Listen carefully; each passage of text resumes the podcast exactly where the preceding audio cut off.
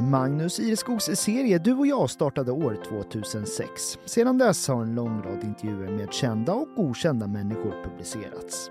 Den gemensamma nämnaren är alla människoöden som skildrats genom åren.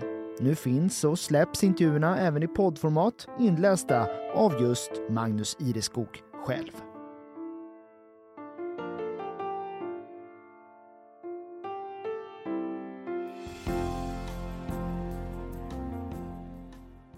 När bomben detonerade i Oslo befann sig musikern Torils Nyen inte långt därifrån. Strax därpå mördades 69 ungdomar på Utöja. När gärningsmannen blev känd kom chocken. Jag kände till honom. Vi hade arbetat på samma företag, säger hon i en intervju från mars 2023. Den 22 juli 2011, en fredag, en kraftig explosion skakar den norska huvudstaden och bolmande rök stiger upp från regeringskvarteret i centrum. Människor flyr för sina liv, flera allvarligt tilltygade. Efteråt visade sig att åtta personer mist livet och över 200 skadats i terrordådet utfört av nu livstidsdömde Anders Behring Breivik. Toril befinner sig vid tillfället någon kilometer därifrån, i lägenheten i stadsbilen Grynerlöcka. Som ett slags Södermalm i Oslo. Nyligen hade de flyttat dit, hon, maken Arnstein och deras ettåriga dotter. De som tidigare bodde helt nära regeringskvarteret i centrum. I magen väntar ytterligare två liv. Tvillingarna ska födas fem dagar senare i ett planerat kejsarsnitt. Vid tillfället står Toril vid dörren och pratar med en väninna som just ska gå. Klockan är halv fyra. Det är då de hör den dova smällen. Det känns liksom i hela kroppen. Första tanken var att det var en olycka, kanske en byggkran eller något som rasat. Vad som verkligen hänt vet de inte då. Snart nog får de veta och vi ska återvända dit. Hon har inte pratat så mycket om det här genom åren. Inte förrän nu. Och bomben och den efterföljande massakern på Utöja är ett nationellt trauma som än idag inte är läkt. Sundet mellan Fårösund och Fårö ligger vårblankt den här marsdagen. Jag har kommit för en intervju om musiken, artist och musiker som hon är. Om att lämna ett land för ett annat, även om det bara är ett grannland. Vi tar en promenad efter intervjun, den som till dels kom att handla om något helt annat. För att Toril alltså plötsligt började berätta. Men här, vid sundet, det finns så många lukter för lagotton Bella att utforska. Det är hennes första nyfikna hundår. Jag älskar den här kusten, säger Toril, som arbetar som lärare på Gute gymnasiets musikprogram. Att gå våra promenader här, särskilt så här års när allt vaknar igen, det är finaste tiden. För snart tio år sedan lämnade familjen hemlandet Norge för att bosätta sig på Gotland. Varför? Ja, det är också en fråga. Vi bodde mitt i Oslo. Tre barn. Dyrt, jobbigt, stressigt. Vi behövde en nystart av flera skäl, men hittade ingen plats i Norge som vi kunde enas om. Och då blev det Gotland. På andra sidan Sverige menar du? Ja, varför inte? Men vi hade tidigare varit här en del. Arnsteins syster har bott på ön i flera år, så vi tänkte att vi provar. Och här är vi. Att de hamnade just Fårösund var en slump. 2014 var projektet Provgute igång. De fick en värdfamilj, hjälp in i gotländska samhället och hjälp att hitta en bostad. Här kunde familjen börja på nytt och Toril fick dessutom ro att återerövra sitt musikaliska jag. För det är musiker hon innerst inne är och alltid varit. Hon växte upp i en musikalisk familj i Drammen, gick musikdagis, började spela piano när hon var sju och var med i sitt första band som 18-åring. Där, i staden vid Drammenfjordens norra ände med 70 000 invånare, någon halvtimme från Oslo, la hon grunden till den hon är idag. En stjärna. Jo, faktiskt. Vänta lite får du veta. Kanske har du sett henne på gotländska scener i rockiga Torils Nyen band eller i jazztrion Jazz Mode. Men då ska du veta följande. Som 18-20-åring sjöng hon i bandet Funeral. Det band som anses vara pionjärer i genren eh, Funeral Doom. Visst låter det mörkt och stenhårt? Det är det. Mörkt, farligt, suggestivt. Och än idag, snart 30 år senare, hör folk faktiskt av sig från hela världen. Är det du som? Och det trots att den skiva som klassiskt skolade Toril sjunger på, Tragedies, kom redan 1995. För mig är det där ingen stor grej, men många tycks ha påverkats av det jag gjorde. Det är lika märkligt varje gång det händer, säger hon. Faktum är att det snarare finns en vass tagg inom henne från de där åren. Bandet existerar alltjämt men hennes egen medverkan fick ett abrupt slut. Jag blev kickad utan förklaring, berättar hon. Jag som trodde att vi var vänner. Det förde med sig att hon inte talade med bandmedlemmarna på 26 år. Inte förrän förra vintern då hon blev uppringd med frågan om att medverka vid en återföreningskonsert i Oslo. Det blev en känslosam stund.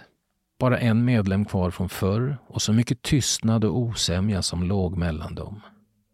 Inte mycket att plocka upp i en intervju som den här egentligen, om det inte vore för att många sannolikt varit med om motsvarande. Ord och händelser som gnagt i åratal. Men när jag väl sa ja till att vara med så var det så mycket som släppte. Vi kunde prata igen och lägga allt bakom oss. Just denna osämja har legat som en glasruta även mellan Toril och uppväxtstaden, Drammen, den hon lämnade när hon var 20. All förgiftad historia, allt prat på byn, så många etiketter och förutfattade meningar. Efter flytten kände hon sig fri att börja på nytt. Ungefär som när du damp ner i Fårösund, utan övriga jämförelser. Menar du så? Ja, det kan man säga. Även om det tar tid att komma in i det nya är det på sätt och vis skönt när ingen känner ens historia. Det finns inget som påverkar andras bild av en.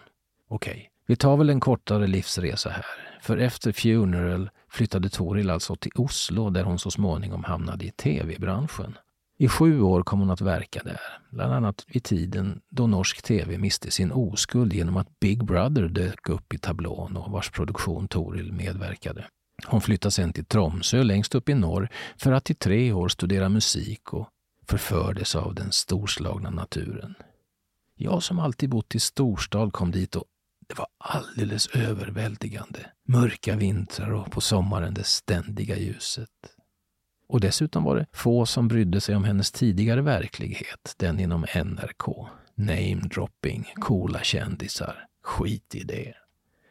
Frågade någon hur man mår så brydde de sig om svaret. Men samtidigt, det jag kom att älska i början hatade jag på slutet. Alltid samma människor på samma plats på kaféet. Allting förutsägbart. Men givetvis skulle hon då, mitt under sin intensiva längtan därifrån, träffa en god fyr där på orten. Det sista hon gjorde.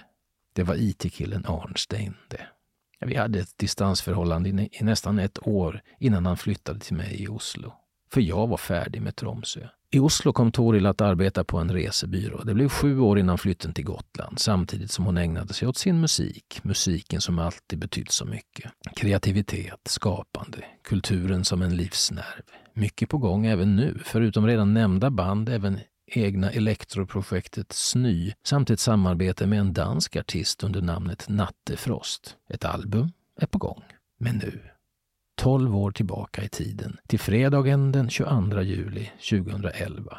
Fram till försommaren det året bodde den lilla familjen mitt i Oslo centrum, 300 meter från regeringskvarteret. Men så fick de tag i den där lägenheten på Grynerlöcka och flyttade. Där stod Toril i dörren med en väninna när den där dova smällen från en bilbomb plötsligt kom från ingenstans. Väninnan skulle just iväg och hämta sin pojkvän som arbetade i regeringskvarteret.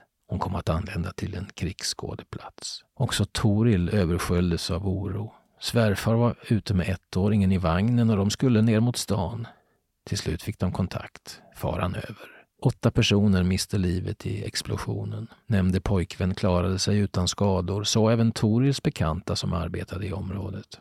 Snart därpå rapporterade nyheterna om skottlossning på Utöja en ö som ägs av Norska arbetarpartiets ungdomsförbund och där det vid tiden pågick ett sommarläger. Så småningom gick det upp för en chockad befolkning att den person som låg bakom sprängningen i centrum också genomfört massakern på den lilla ön i Tyrifjorden. Utklädd till polis hade han under en timme avrättat 69 tonåringar och unga vuxna. Ytterligare över 100 hade skadats. Hälften av offren var under 17 år, det yngsta bara 14. Hon minns det så väl, Toril när bilden på gärningsmannen publicerades i norsk media redan samma kväll. Chocken då, klarsynen. Det är ju han. Ja, några år tidigare arbetade jag en kort tid på en telemarketingbyrå där han höll på med IT. Jag kan inte säga att vi kände varandra, men jag visste precis vem det var. Berätta. En märklig person. Blyg, sa aldrig något, vågade aldrig prata med tjejer. Ett weirdo som var bra på datorer. Det var helt overkligt. Det kom ännu närmare på något sätt. Egentligen gillar jag inte att prata om honom. Han förtjänar ingen uppmärksamhet. Hon berättar om den, trots allt, lättnad som infann sig då gärningsmannen visade sig vara norsk. Första tanken var ett terrordåd med muslimska förtecken, vilket sannolikt hade ökat samhällets polarisering ytterligare. Men ta mig med till stämningen i staden. Hon sitter tyst ett tag i den grå soffan. Bella slumrar. Det är så många känslor. Jag hade mest fokus på att barnen skulle födas, men det var en enorm sorg såklart. Tyst och stilla. Hela landet var i chock skulle jag säga. På ett sätt enade det oss som nation. Ja, det är faktiskt lite jobbigt att prata om. Jag har inte gjort det så mycket. Varför då? Jag vet inte. Om jag varit mer personligt berörd hade jag förmodligen gått i terapi, men jag har bara gått vidare. Som efter den där grejen med Funeral. Ibland hjälper det att prata, känner jag nu. Toril födde som planerat sina tvillingar fem dagar senare. Hon kunde söka tröst i den mammabubbla som krävde hennes totala uppmärksamhet. Innan dess hade hundratusen människor hunnit samlas på Rådhusplatsen för att manifestera mot våldet och visa solidaritet med offren och dess anhöriga. Själv har hon aldrig varit på Utöja. Hennes brorsdotter däremot, många gånger. Hon är politiskt aktiv och var 15 år då. Hon var där både före och efter. Tänker du ofta på terrordådet idag? Nej, inte ofta, det kan jag inte säga. Men ibland kommer det upp. Men det är också så förknippat med barnen så det är många olika känslor. I januari 2012 släppte svenska artisten Laleh sin låt Some Die Young. En låt hon arbetat med i flera år och som då äntligen var klar. Inte en aning hade hon förstås om vilken betydelse den skulle få. Medan den för Lalle själv handlade om hennes mors kamp mot cancer blev det en tröstelåt för ett helt lands befolkning. Låten sjöngs under den minnesceremoni i Oslo på årsdagen av terrordådet. Toril såg det på tv i lägenheten någon kilometer bort. Det var starkt. Musik kan vara så viktigt och det är verkligen en sång som berört hela Norge. Norge, ja. Hemlandet. I djupet av hennes hjärta. Hon trivs för all del gott i Sverige och på Gotland. Allt hon behöver finns att få. Förutom 17 maj, smörgås till lunch och den allmänna känslan av att faktiskt vara hemma. Jag brydde mig inte så mycket när jag bodde där, desto mer nu. Som att jag blivit mer norsk sen jag bosatte mig utomlands. Längtar du hem, Toril? Ja, ibland gör jag det. Och en dag kommer jag att återvända, det tror jag. När det blir vet jag inte, men någon gång kommer det att ske. Terroristen dömdes den 27 augusti 2012 till lagens strängaste straff. Förvaring i 21 år. Straffet kan förlängas på obestämd tid och innebär i princip livstid. Ja, gillar du också Magnus Ireskogs intervjuserie Du och jag så finner du fler avsnitt på helagotland.se under poddar och program.